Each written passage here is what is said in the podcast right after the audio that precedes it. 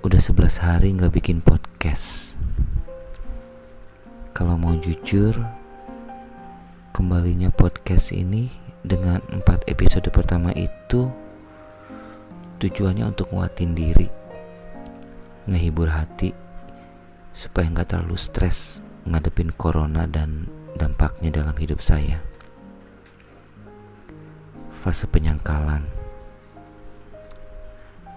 Terus 11 hari terakhir saya marah sama keadaan, lalu bingung dan depresi. Sekarang kurang tahu. Nulis skrip ini aja susahnya minta ampun. Sisa-sisa depresi. Saya rasa bukan saya aja yang ngalamin ini Tadi WA sama temen kita saling menguatkan. Saling cerita kesulitan yang dihadapi gara-gara pandemi ini. Gak jauh. Ujung-ujungnya uang. Uang habis, pendapatan nol Padahal ada utang. Jadinya pasrah dicaci maki sama yang utangin kamu ada utang juga, Ted? Ya iyalah, namanya bisnis biasanya ada utang. Dan sekarang mau bayar pakai apa? Gitu deh.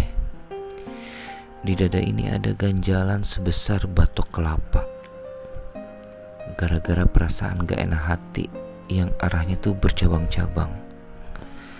Gara-gara takut dikira jahat, gara-gara nyesel kenapa nekat bisnis tanpa investor. Ditambah bingung mau ngapain.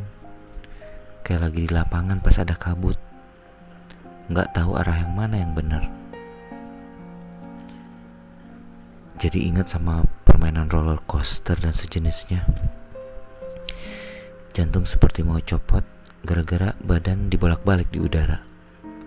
Kecepatan tinggi, meliuk-liuk, ada yang mau muntah, ada yang teriak sejadi-jadinya, ada yang pingsan bangun lagi, teriak lagi, pingsan lagi. Ya, namanya juga jungkir balik. Pastinya bikin kita disoriented. Apalagi tiba-tiba kayak gini. Langsung bingung. Yang mana realita, yang mana cerita. Yang pasti semuanya adalah fakta. Fak dan tak. Itu kan maklum. Sisa depresi. Begitulah. Episode ini cuma berupa sedikit keluhan, unek-unek, dan ekspresi. Intinya jadi belajar.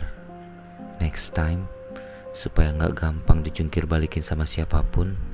Eh, maksudnya sama apa pun harus dipastiin basisnya kuat banget, nempel banget ke bawah, grounded banget, nggak bisa sok-sokan lagi.